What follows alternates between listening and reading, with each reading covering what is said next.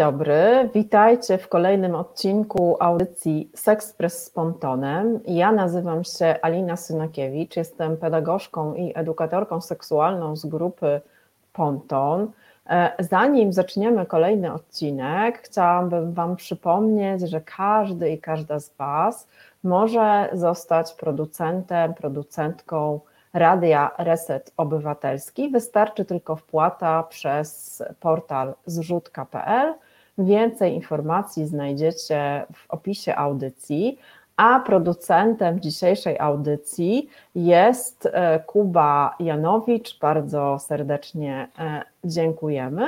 No i też e, tradycyjnie zapraszam wszystkie osoby do komentowania i zadawania pytań w czacie. I witam pierwsze osoby, pana Piotra, Ludwinie, Temnowe. Mam nadzieję, że więcej osób jeszcze do nas dołączy. W dzisiejszej audycji będziemy poruszać dwa wątki. Przede wszystkim będziemy zajmować się tematem niebinarności, E, natomiast w drugiej części e, porozmawiamy na temat crossdressingu i e, kultury dragu. A naszą dzisiejszą gościnią będzie Simona Kasprowicz, osoba zajmująca się animacją kultury, twórczością, aktywizmem, związana przede wszystkim z lubelskimi inicjatywami kulturalnymi, między innymi demakijażem, festiwalem kina kobiet i festiwalem e, Queers Get Loud. E, nasza gościni występuje też także jako Simona Kozi Drag, demon LGBT+, i jest jedną z głów e, muzyczno-performerskiej hybrydy brokatowe kocyki. Oczywiście. Hydry, hydry nie hybrydy. A, Okej. Okay. E, chciałam też powiedzieć, że, że to jest oczywiście, ja sobie tutaj tylko jakieś takie wybrane informacje e, zamieściłam z bogatego biogramu e, Simony, bo oczywiście tych aktywności jest jeszcze dużo, dużo więcej, ale to myślę, że ty przy okazji jeszcze o tym powiesz. No ja przede wszystkim Ciebie witam bardzo serdecznie i dziękuję, że zgodziłaś się wziąć udział w naszej dzisiejszej audycji. Ja również bardzo dziękuję za zaproszenie i witam wszystkie osoby, które są z nami. E, tak, no dziś e, taką e, inspiracją do dzisiejszej audycji e, był e, Dzień Osób Niebinarnych. To takie święto, które e, ustanowiła, zainicjowała w zeszłym roku Fundacja Transfuzja 9 marca, tuż po Dniu Kobiet. E, myślę, że to jest świetna okazja, żeby porozmawiać e, o niebinarności, bo chociaż temat e, no, gości często w mediach i tak dalej, tak być może dla niektórych jest jakoś nawet może już oklepany, to myślę, że cały czas tutaj jest masa jakichś niedomówień i trzeba dużo rzeczy doprostować czy jakoś wyjaśnić. No i też po prostu myślę, że nigdy nie za dużo rozmów na temat niebinarności. Więc pierwsze moje pytanie do Ciebie, o jakąś definicję. Czy mogłabyś spróbować zdefiniować, czym jest niebinarność? Okej, okay. E, niebinarność jest e, tożsamością płciową, od tego zacznijmy, która odchodzi od pozycjonowania się e, jako osoba kobieca i jako osoba męska, czyli jest po prostu formą ekspresji tożsamościowej w spektrum. Wydaje mi się, mhm. że to jest definicyjnie clue niebinarności. Mhm, ale powiedz mi, a jak, się, jak ma się niebinarność do transpłciowości? Czy jakoś to, co, to, to, to tutaj, jaki jest związek właśnie jednego, jednej i drugiej tożsamości? Mhm. No, w pewien sposób oczywiście jest to y, dyskusyjne. Ja chcę przede wszystkim zaznaczyć, że w tym momencie będę bo, bo, tak naprawdę to jest to, co mogę zrobić, czyli e, mówić bazując na, na swoim doświadczeniu, na e, swoim poznawaniu rzeczywistości i jak najbardziej niebinarność według mnie jest formą transpłciowości. I też ja, jako osoba niebinarna, jestem przede wszystkim osobą transpłciową. Czyli mm, jest to kwestia tego, że po prostu moja ekspresja płciowa, moja tożsamość nie pozycjonuje się w cis płciowych kategoriach tego, co męskie i tego, co kobiece, jest mm, formą transowania tożsamościowego. Mm -hmm. A powiedz mi jeszcze taką rzecz, bo samo e, pojęcie niebinarności też jest takie dosyć pojemne i tam też się też można powiedzieć, że jest pojęciem parasolowym i tam się mieści, mieszczą też różne tożsamości. Czy mogłabyś coś o nich opowiedzieć? Wiem, że przed e, audycją miałyśmy taką rozmowę, że e, że na przykład e, no nie identyfikujesz się jako osoba agenderowa, więc jakby mhm. tak nie, nie, czujesz się do końca kompetentna, żeby o tej tożsamości powiedzieć, ale myślę, że myślę, że, że chociaż, chociaż żeby tak zasygnalizować, jakie są jakie są, mogą być rodzaje też tych tożsamości mhm. niebinarnych? Jasne, no parasol jest bardzo szeroki, ale możemy tutaj mówić, możemy wymienić parę z tych opcji. E, czyli mogą tutaj być osoby o dwóch lub więcej tożsamościach płciowych, takie jak bigender, trigender, pangender, albo takie, e, które nie mają ich w ogóle, jak e, agender albo osoby, y, których y, ekspresja płciowa jest zmienna, y, czyli gender fluid. Mhm, mhm. Okej, okay, dobra. A powiedz mi jeszcze taką rzecz, bo no właśnie, jak się ma e, niebinarność do ekspresji e, płciowej? Okay. Czy, czy w ogóle niebinarność jest e, czy musi się wiązać z jakąś szczególną ekspresją płciową i przy okazji może też warto, żebyśmy e, przypomniały, jak, e, no właśnie, co oznacza w ogóle pojęcie ekspresji płciowej. Mhm. Transpłciowe i niebinarne ciało nie ma wyglądu. Bardzo, bardzo lubię to określenie i ten taki tagline, który też w środowisku aktywistycznym polskim jakoś zaczyna wybrzmiewać bardzo mocno. No, kwestia ekspresji płciowej no jest e, tak naprawdę formą wizualną, w jakim prezentujesz swoje ciało w, w kontekście publicznym i prywatnym.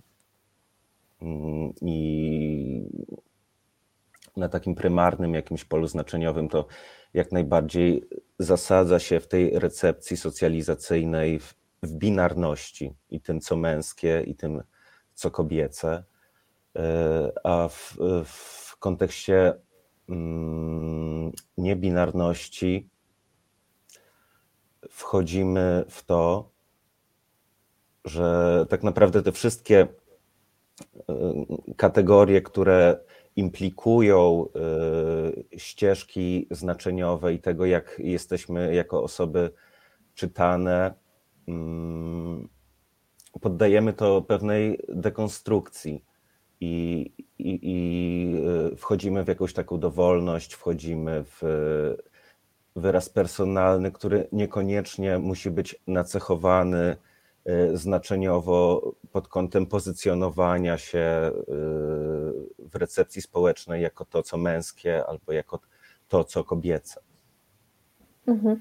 Ale powiedz mi, czy to jest tak, że że w ogóle rzeczywiście wszystkie osoby niebinarne e, jakoś mają taką potrzebę właśnie jakiejś takiej ekspresji płciowej, która by właśnie była jakaś taka transgresywna, czy, mm, czy właśnie jakoś, e, czy jakoś, która by dekonstruowała ten binaryzm, czy jakoś e, no tak dążę, dążę, dążę do tego właśnie, żeby tutaj, tak. wiesz, wiesz absolutnie do czego dążę. Nie. Wiem, tak. do czego dążysz i mhm. absolutnie nie. Mhm. Tak, bo myślę, że to jest ważne, bo też pomyślałam sobie, że jest taki, e, tak jak e, czasami jakoś rozmawiam ze znajomymi osobami niebinarnymi, no, że jest takie oczekiwanie, że one będą jakoś wyglądać, czy mhm. miały jakąś, jakąś ekspresję, a po prostu czasami osoby mają, nie mają takiej potrzeby zupełnie. Tak, to też się zgadza. I to jest, i to jest oczywiście okej. Okay. To jest Absolutnie oczywiście tak. okej, okay, że, tak. że właśnie że nie, nie przywiązują się do właśnie do jakiejś takiej e, widzialnej, e, mm, no wizualnej jakiejś takiej właśnie prezentacji siebie, mhm. E, siebie samej. Dobra, to będzie takie pytanie, które nadal dotyczy trochę tej zewnętrzności, bo chciałam mhm. zapytać o zaimki i ty też w ogóle, e, właściwie może ja powinnam na samym początku zapytać ciebie, jakich zaimków używasz, ale trochę odroczyłam ten, e, to pytanie, bo też się znamy prywatnie, ale powiedz mi właśnie, jak ty masz z zaimkami i jakbyś mogła też powiedzieć, jak mają, czy miewają inne osoby e, niebinarne, bo w języku polskim też e, mam wrażenie, że od jakiegoś czasu się ciekawe rzeczy w tym obszarze dzieją i różni właśnie różne osoby aktywistyczne Mm, niebinarne próbują ten język e, polski, który jest bardzo taki konserwatywny i mhm. upłciowiony, e, no próbują go jakoś tak prze, przekształcać, żeby tak odpowiadał tak, potrzebom osób. Mhm. Tak, jeżeli chodzi o moje zaimki, to one są ona, jej, on, jego, ale w gruncie rzeczy E, wszelkie perspektywy lingwistyczne są bardzo otwarte i osoby używają różnorakich zaimków. No tutaj też tak naprawdę pod kątem e, społeczno-twórczym i kulturotwórczym jednak amerykańska sieć znaczeniowa jest bardzo istotna i to they, them jest w pewien sposób próbowane do przetłumaczenia na język polski jeżeli chodzi o jakąś moją prywatną ekspresję, to te, też rozmawiałyśmy o tym, że absolutnie na stopie prywatnej o tym rozmawiałyśmy, że e, absolutnie do mnie to nie trafia, ale to jest kwestia też e, pewnego obciążenia socjalizacyjnego. Bo jeżeli chodzi o polszczyznę, to, to jest coś, co ja na przykład noszę, że to they, them i e, ta taka neutralność, ono, jenu, w pewien sposób jest dla mnie semantycznie y, dehumanizujące, ale budujące jest to, że osoby, które teraz y, wchodzą w procesy y, kulturotwórcze, tak naprawdę nadają nowe znaczenia. I, i w pewien sposób też mają, mają e, tę taką moc e, odzyskiwania słów i odzyskiwania znaczeń. Mm. E, Okej, okay. przy, no właśnie, też chciałabym też, żebyśmy się pochyliły trochę nad tym, jak się Mm, no właśnie, jak poprawnie mówić o niebinarności, bo e, e, mam takie spostrzeżenia, że często e, przy okazji jakichś takich dyskusji czy, czy artykułów w mediach dotyczących niebinarności pojawia się taka kategoria, takie pojęcie jak trzecia płeć i właśnie, chciałam z Tobą porozmawiać na temat tego, dlaczego, to, dlaczego używanie tego pojęcia jest kontrowersyjne, mhm. bo tutaj są różne jakby też powody, dla którego warto tego pojęcia unikać. No, w pewien sposób, y, jeżeli chodzi o termin trzeciej płci, to powrócę do tych wszystkich asocjacji E, związanych z dehumanizacją, z e, robieniem z osób pewnego kuriozum społecznego. I to nie jest ok pod kątem pola znaczeniowego, które też jest w pewien sposób dziedziczone. E, a dodatkowo pod kątem logicznym wydaje mi się, że też tu jest olbrzymi błąd, bo mamy jakąś formę parasola, tak naprawdę, niebinarności, gdzie nie jesteśmy w stanie wyznaczyć trzeciej płci, bo jest tutaj trzecia, czwarta, dziesiąta, pięćdziesiąta piąta, etc., etc. Mhm. No ja bym tutaj jeszcze, jeśli pozwolisz, to bym chciała dodać też taki wątek kolonialny, bo bardzo mhm. często też ta mm, kategoria, czy to pojęcie trzeciej płci e, pojawia się do opisywania e, płciowości czy seksualności osób z kultur pozaeuropejskich mhm. i też kolonializatorzy, którzy no jakby odkrywali, że w tej te kultury pozaeuropejskie, no też w tamtych czasach bardzo też takie, mm, tak w kontekście właśnie porównania z Europą czy z kulturą Zachodu, liberalnie podchodzące, czy bardziej liberalnie do, do właśnie kwestii płciowości, no to kolonizatorzy chcieli e, no jakoś tak sobie mm, e, posługując się swoim aparatem pojęciowym, E, jakoś skategoryzować właśnie to, co było jakoś nieznane dla nich, czy właśnie jakieś płynne i tak dalej. Mhm. Natomiast aktywiści i aktywistki ze społeczności LGBT, właśnie z kultur e, pozaeuropejskich, no protestują przeciwko takiemu no, używaniu tej kategorii, dlatego że ona w ogóle nie odzwierciedla ich jakby kultury i też jest jakimś uproszczeniem, e, uproszczeniem i, i tak dalej, więc, więc myślę, że, że lepiej też z tego powodu też tej kategorii Absolutnie nie... Tak. No też jest formą nie, pewnego zawłaszczenia kulturowego, fetyszyzacji. Mhm. Absolutnie to jest. E, Simona, pojawiło się pytanie do ciebie i jakby mhm. teraz zaraz ci je przeczytam i e, jeżeli będziesz miała taką otwartość i gotowość, żeby odpowiedzieć, to bym Cię poprosiła, żebyś odpowiedziała, bo pani Barbara e, zadała takie pytanie. Kiedy Simona doszła, doszła do swojej świadomości, kim jest, jaka jest, w sensie w jakim wieku i ile to trwało? Czy jakby masz przestrzeń, żeby taką, taką Jasne, osobistą tak. perspektywą się tak, tak podzielić? Tak, tak, tak. tak. Mhm. Absolutnie dziękuję za to pytanie. E, jeżeli chodzi o mój background, to tak naprawdę mam za sobą bardzo mocno katolickie, konserwatywne e, etapy socjalizacyjne, całe życie w katolickich szkołach, więc było to bardzo trudne. Absolutnie trudne, bo była to e, strefa tabu, tak, do której absolutnie nie było we mnie dostępu, dla mnie dostępu a w gruncie rzeczy zawsze to pracowało, bo to się immanentnie czuje. Najlepiej wiem, kim jestem. Tak?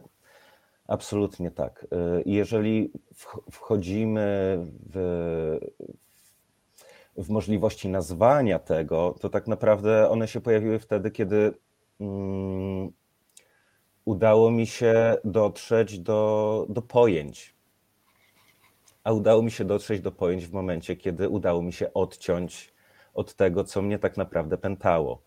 Więc y, nazwanie siebie no, nastąpiło w gruncie rzeczy w wieku, wydaje mi się, 20-21 lat.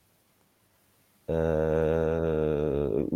to też jest kwestia jakiejś takiej radykalnego odcięcia się od przeszłości w pewien sposób i odkrywania tego, co, co było nienazwane i przepracowywania e, pewnych traum. Ale na poziomie po prostu e, takim wewnętrznym, jednostkowym to zawsze było, ale niestety wszystko to, co mnie otaczało, nie dawało mi ani form e, reprezentacji, ani odpowiedniego słownictwa, w którym można się jakoś e, po prostu e, przeglądnąć.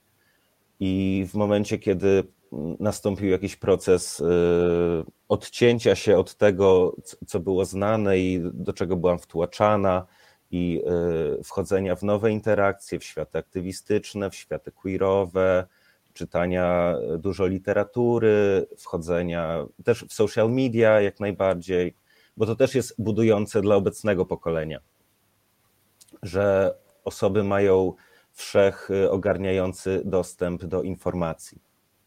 I tak naprawdę, nawet jeżeli blisko nich nie ma e, tych lustrzanych form, e, wokół których mogą się opowiedzieć i wokół których mogą poczuć bliskość, to jednak mają tę przestrzeń instagramową, tiktokową, i tak dalej, i tak dalej, gdzie mogą tego szukać i mogą się eksplorować.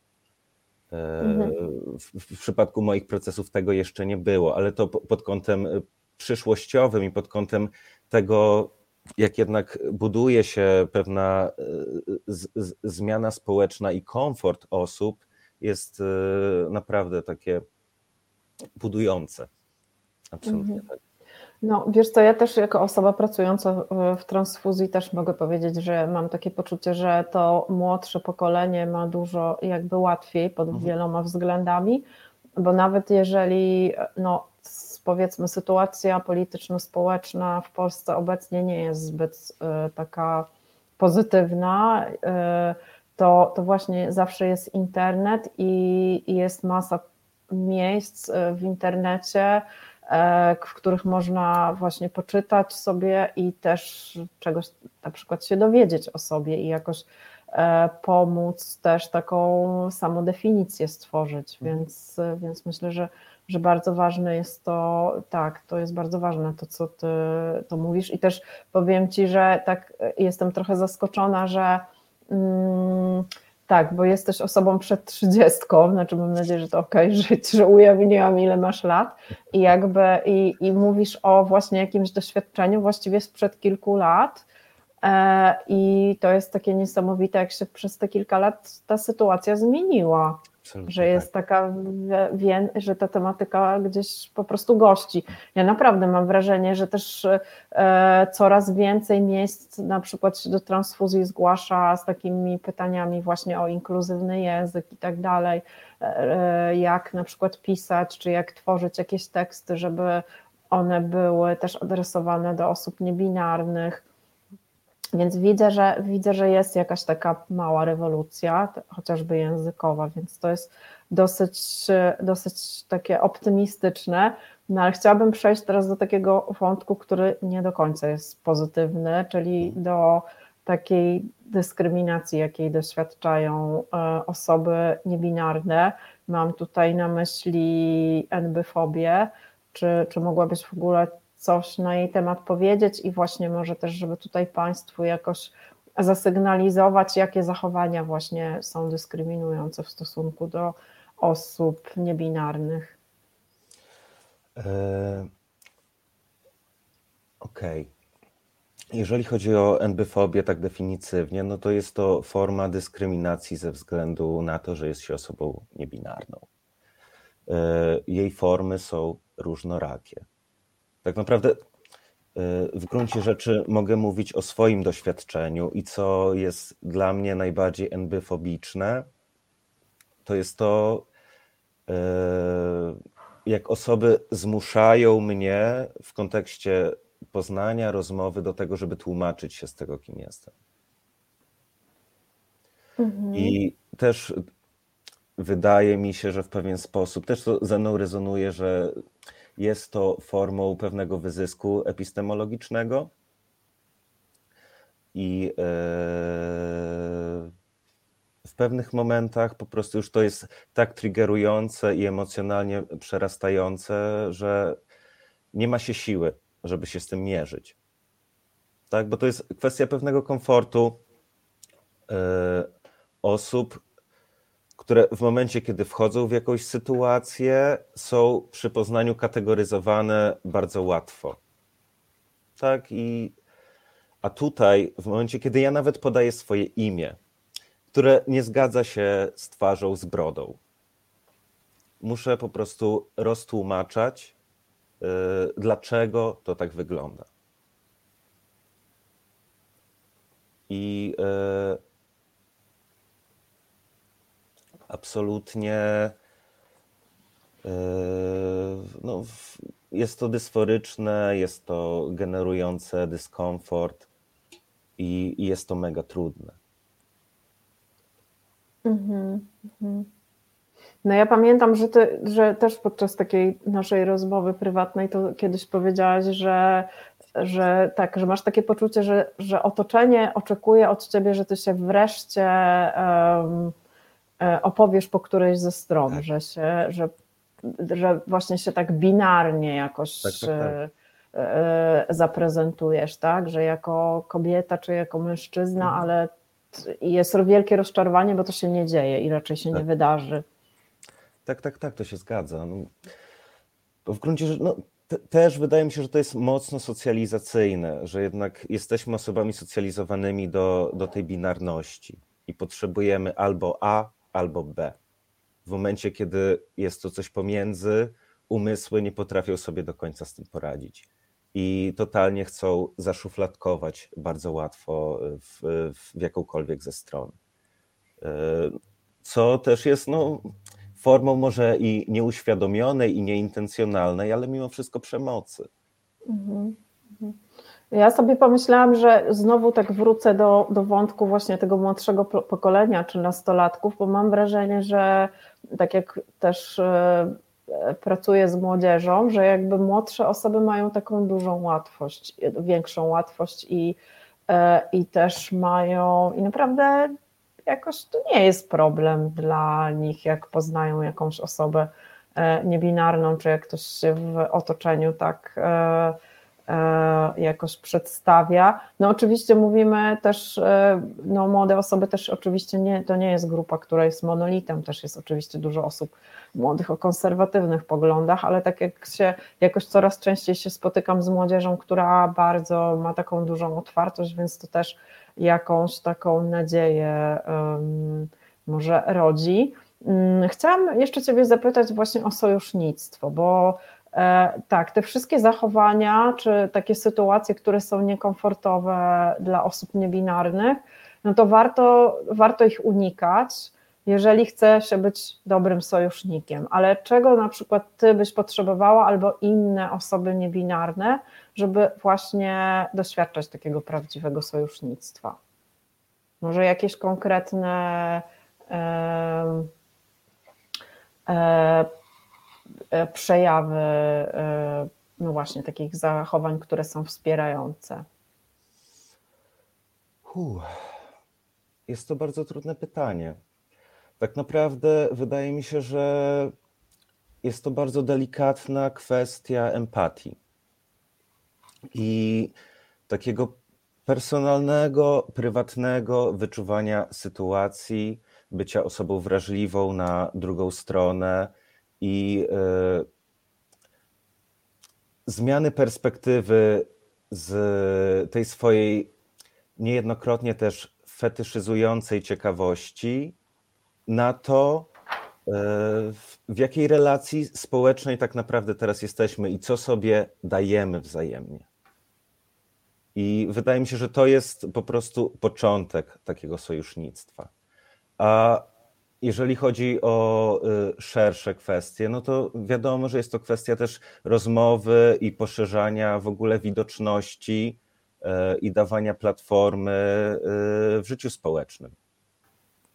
Tak, czyli na poziomie prywatnym przede wszystkim możemy wdrażać ten temat i eliminować mm, pewien taki potencjał szyderczy, który też jak najbardziej jest zakorzeniony jeżeli chodzi o y, doświadczenie niebinarności, doświadczenie transpłciowości, y, a dodatkowo też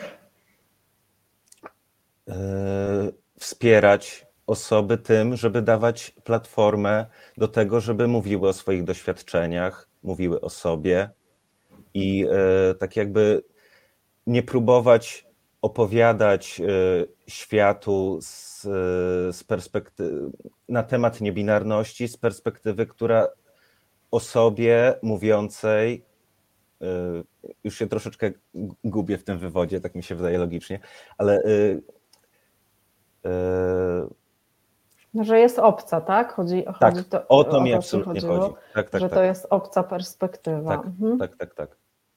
Mhm. Okej, okay. patrzę na zegar, mamy 17.33, więc sobie zrobimy taką chwilę przerwy i trochę będzie niespodzianka, bo chciałyśmy bardzo z Simoną, żeby puścić e, e, jej e, piosenkę E, e,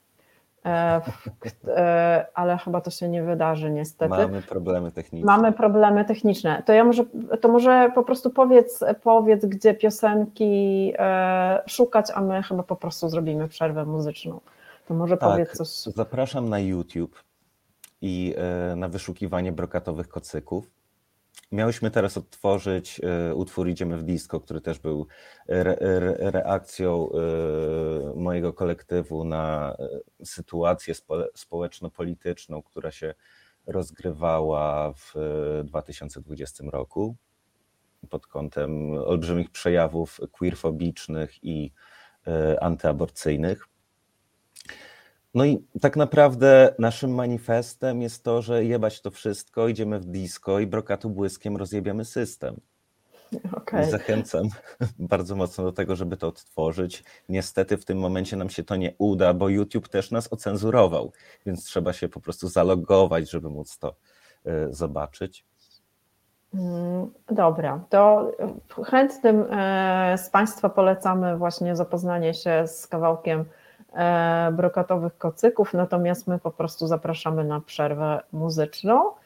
I po przerwie wrócimy i będziemy rozmawiać na temat kultury dragu i mhm. crossdressingu. Także do zobaczenia po przerwie.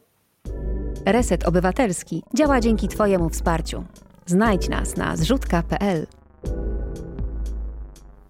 Seks z Prespontonem, Alina Synakiewicz, Simona Kasprowicz. Wracamy po przerwie. I też witamy Barbarę Polak, to jest prywatnie moja mama. Także taka najwierniejsza słuchaczka.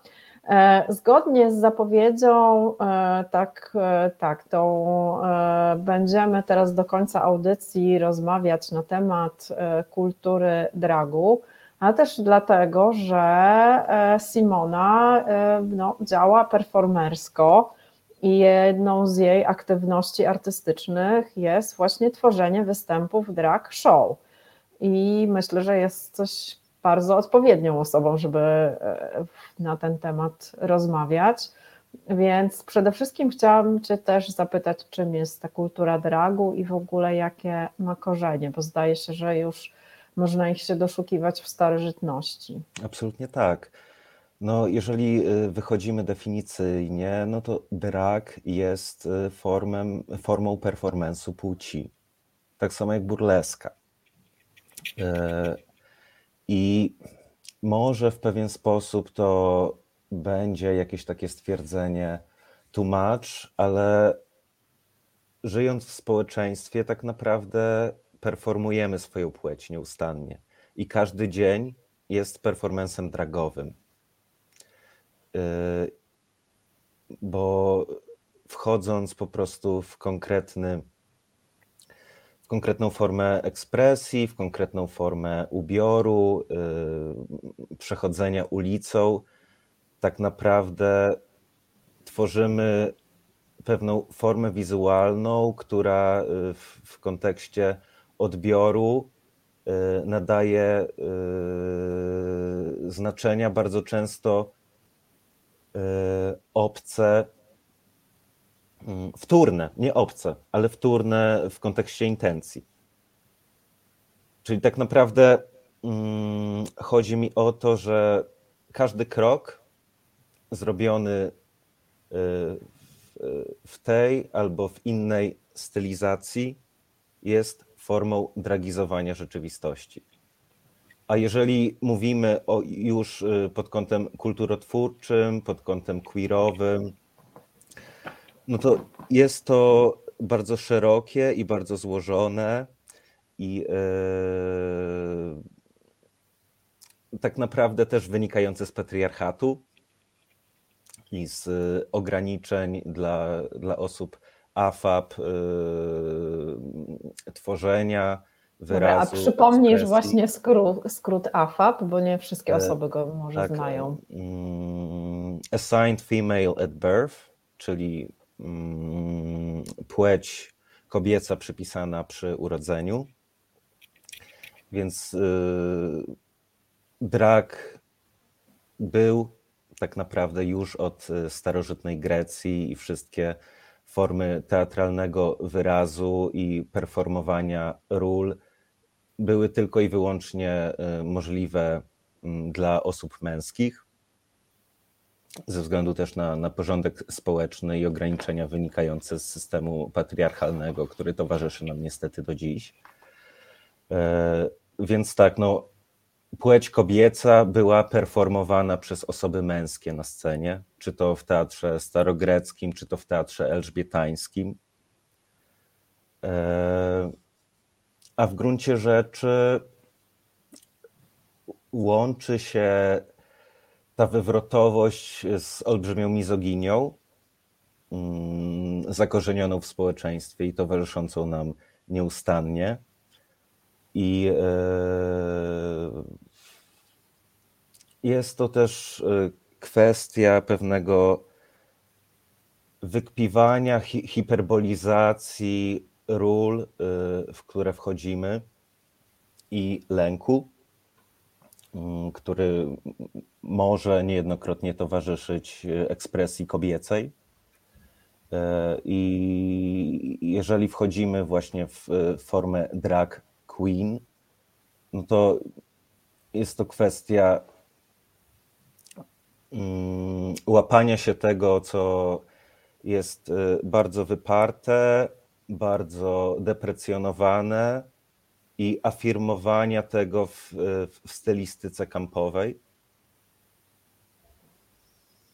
Ale drag y, nie ogranicza się jedynie do osób y, cismęskich, które performują, ale mamy tutaj cały szpaler przeróżnych y, wspaniałych osób o różnych tożsamościach, również osób AFAB, które też robią drag, osób niebinarnych, osób trans, które robią drag i cały ten teatr społeczny przenoszą po prostu do, do pewnego Mm,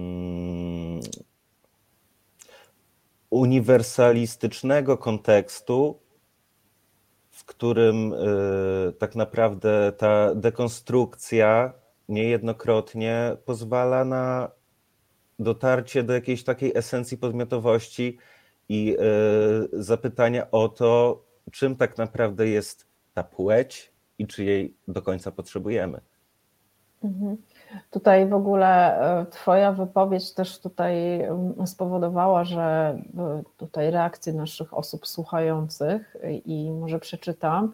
Mhm. E, Barbara Polak napisała: Simona, jesteś wspaniała. I też Ludwinia pisze: Temat audycji jest mi bardzo bliski. Na co dzień prowadzę życie mężczyzny. Jest, kobietą jestem w sferze bardzo prywatnej i w sieci mam 62 lata i ta sytuacja się nie zmieni. Mm, czy chciałabyś jakoś się może odnieść do tej wypowiedzi? Bo jakoś dla mnie jest taka bardzo też e, poruszająca. Bardzo poruszająca.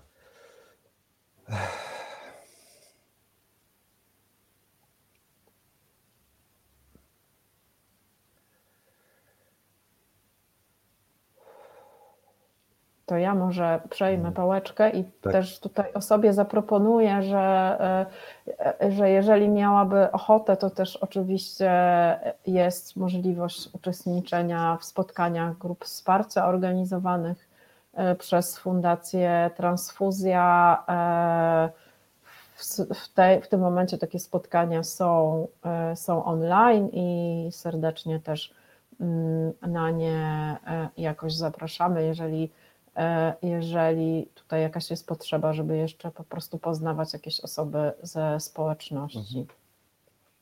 To my może, e, może pójdziemy, pójdziemy dalej. Ja jeszcze w ogóle tak e, pomyślałam sobie w ogóle też o taki, taką, takim ciekawy wątek w ogóle dotyczący historii kultury dragu, że taki drag, który tak jakby znamy i kojarzymy też myślę, że z popkultury, E, to on e, jakoś tak rozkwitł w Harlemie e, mhm. na początku XX wieku i tworzyły go właśnie osoby ze społeczności LGBT, które były też osobami właśnie migranckimi, czy jak, o jakichś korzeniach właśnie afrykańskich, więc myślę, że to jest w ogóle też bardzo, czyli osoby też, które borykały się z takim wielokrotnym wykluczeniem mhm. czy, czy dyskryminacją i jakby to jest także ten, ten drag, który, mm, który jakby znamy na przykład z takich programów jak e,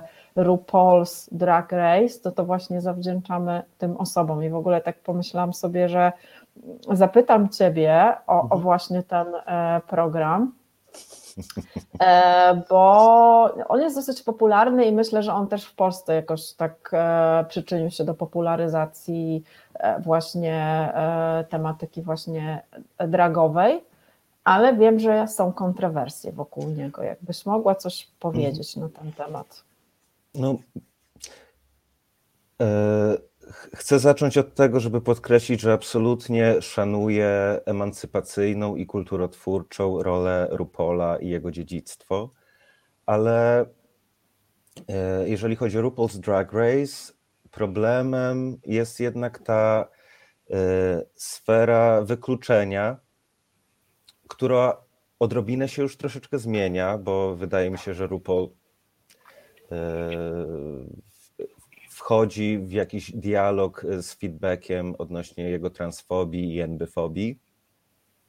Ale tak, no, od samego początku i przez długie lata, przez x sezonów, e, RuPaul ograniczał się do tego, że drag to facet przebrany za babę totalnie też w pewien sposób odcinając się od tego dziedzictwa, o którym mówisz, bo nie dość, że były to osoby niebiałe, to bardzo często, jeżeli chodzi o kulturę harlemową i kulturę ballroomu, były to osoby transpłciowe, dla których po prostu forma mm, performatywna, y, dragowa była też formą legitymizacji swojej ekspresji płciowej.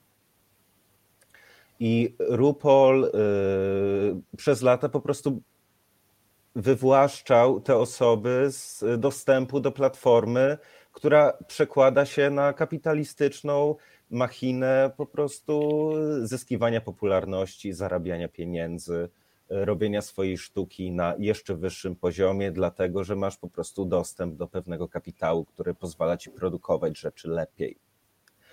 Teraz się to zmienia, bodajże dwa albo trzy sezony temu po raz pierwszy y, była, y, była tam trans, tak totalnie transpłciowa y, już na etapie uczestnictwa w programie transpłciowa, drag queenka transpłciowa, męska osoba Got Milk.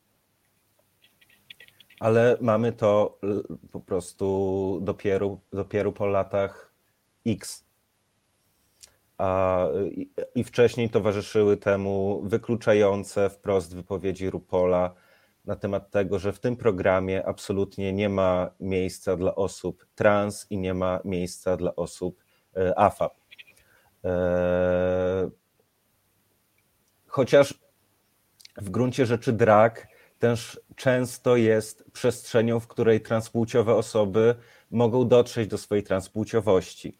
I jeżeli chodzi o ten sam program, na przestrzeni lat osoby, które uczestniczyły tam jako cis męskie, potem dokonywały coming outu jako osoby transpłciowe, czy to transpłciowe kobiece, czy to niebinarnie. Mhm. Ale dopiero teraz y, po prostu RuPaul odrobinę tej platformy egalitarnej daje. No to co, tylko można powiedzieć rychło w czas. Tak. Absolutnie. No ale to myślę sobie, że dobrze, że posłuchał tej, tych słów krytyki, czy, czy jakby, bo mógłby się jakby zupełnie to zignorować, więc mhm. jakby myślę, że, że na plus, chociaż szkoda, że tak późno, dopiero tak. po iluś latach e, emisji programu. Jeszcze tutaj mamy komentarz e, Ludivinia. Przepraszam prowadzące za moje niespodziewane wyznanie, które trochę zaburzyło tok audycji. Dziękuję Alino za propozycję. To ja jeszcze raz zapraszam, e, zapraszam, e, można nawet przez fanpage transfuzji napisać do nas i, e, i już tutaj pokierujemy, z jakich form wsparcia można, można skorzystać. Mm, powoli zmierzamy do końca audycji, a ja chciałam jeszcze tutaj, żebyś zareklamowała imprezę, którą współorganizujesz w Lublinie i żebyś w ogóle o niej opowiedziała.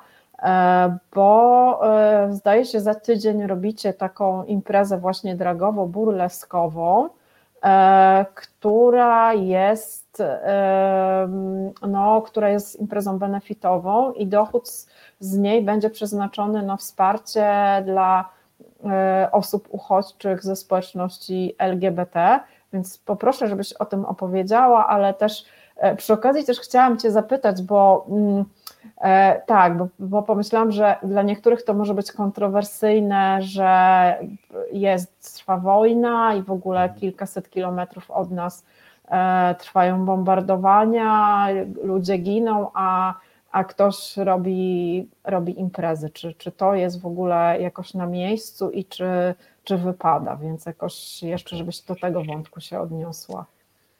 Bardzo dużo wątków. Może zacznę od formy reklamy. Mhm. Więc już 19 e, marca w Galerii Labirynt w Lublinie odbędzie się benefitowa impreza, e, z której cały zysk zostanie przeznaczony na Centrum Wsparcia dla queerowych osób e, uchodźczych prowadzonego przez Lambdę Warszawę. I na scenie wystąpią osoby performujące burleskę i drag. Będzie z nami Ava Afterglow, będzie Harpy Queen, będzie Max Regan Thatcher, będzie Nani Carduelis i będę ja. E, I wiesz, tutaj też jest jeszcze wątek decentralizacji, e, jeżeli chodzi o, o życie queerowe, bo łączymy się tak naprawdę warszawsko. Ja w tym momencie jestem w Lublinie, chociaż mieszkam w Warszawie. Ale tak naprawdę, jeżeli chodzi o życie queerowe, to ściana wschodnia jest absolutnie od niego odcięta. I to jest kwestia też facylitacji pewnych procesów, e, dawania osobom też formy reprezentacji, pokazywania tego, jak można o sobie myśleć, jak można się wyrażać, jak można się łączyć. I w kontekście performatywnym, i w kontekście imprezowym, i w kontekście po prostu życia jako osoba, którą się jest. I tak naprawdę, jeżeli chodzi o wschód, tutaj nie mamy nic. Ja jestem jedyną drag queer, bo nie jestem drag queen, ale jestem drag queer, e, osobą performującą w Lublinie. Nie ma żadnej innej osoby. Jeżeli mamy Warszawę, jeżeli mamy Poznań, jeżeli mamy Wrocław, to są centra queerowe, które bardzo sprawnie działają i yy, generują kolejne osoby performerskie, dlatego że mają do kogo się ustosunkować i e, z kim wejść w interakcję i mogą znaleźć osoby matczyne, które też w, w kontekście performatywnym je poprowadzą. E, jest też opcja, żeby występować, żeby działać. Jeżeli chodzi o wschód Polski, tego po prostu nie ma. W Lublinie mamy tak naprawdę tylko i wyłącznie jeden LGBT-friendly, queerowy klub to jest kwestia zupełnie innej perspektywy. Eee, ale teraz mam przejść do kwestii tego, czy to jest ok, żeby performować w tych czasach. Też mam z tym problem. Olbrzymi mam z tym problem. Mm, też będę teraz to przepracowywać performatywnie w kontekście nowego numeru. Jeżeli osoby są tym zainteresowane, to zapraszam 19 do Galerii Labirynt w Lublinie, żeby zobaczyć to na żywo. E, ale może to będzie w pewien sposób cyniczne, ale też wydaje mi się, że aktywizm bywa cyniczny i w gruncie rzeczy zasadza się na ego, szeroko rozpatrywanym i w kontekście pewnego self-care'u i e, szerszego obrazu musimy zachowywać pewną strukturę tak zwanej normalności, szukać naszych eskapistycznych przestrzeni, żeby starać się działać dalej. E, I żeby akumulować te siły, regenerować się, też nie, nie rozwalić się emocjonalnie, i e, nie żyć cały czas traumą, tylko szukać jakiegoś balansu, żeby też te siły jakoś mądrze e, ułożyć i przełożyć na działanie. I w kontekście pewnej kabaretyza kabaretyzacji świata i tego, że kultura jest też tym, co w pewien sposób pozwala zachować status człowieczy. Mm, no, będzie dla mnie odwołanie do, do Holokaustu i do funkcjonowania chociażby kabaretu w getcie, e, gdzie to jakoś ciągle we mnie rezonuje, jeżeli chodzi o wspomnienia Wery Gran. która mówiła, że osoby po prostu potrafiły nie jeść i mm, zrzec się tej przysłowiowej jednej bułki w ciągu dnia, żeby kupić sobie bilet do kabaretu. Bo to jest to, co pozwala się w pewien sposób uwolnić od y, wszelkich okropności, które towarzyszą, wejść w jakiś eskapistyczny świat, poczuć wspólnotowość, poczuć też podmiotowość, poczuć człowieczeństwo i mm, ustawić swoje witalne siły w ten sposób, żeby funkcjonować dalej i żyć, Mhm. bo ciągle musimy żyć. Mhm. Dziękuję Ci za ten komentarz. Tu widzę, że też osoby słuchające też tutaj jakoś wspierają Twoją perspektywę. Pan Piotr napisał, e, ale to, e, że tuż za granicą trwa wojna, nie oznacza, e, że tu i tam osoby queerowe znikają, że nie potrzebują wsparcia, czy odrobiny uczucia, czy zrozumienia.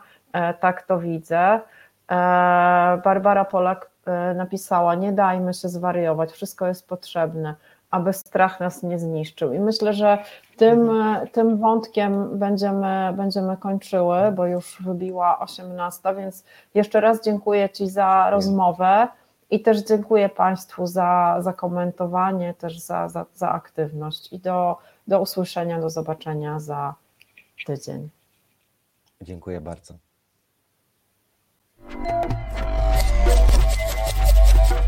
Reset Obywatelski.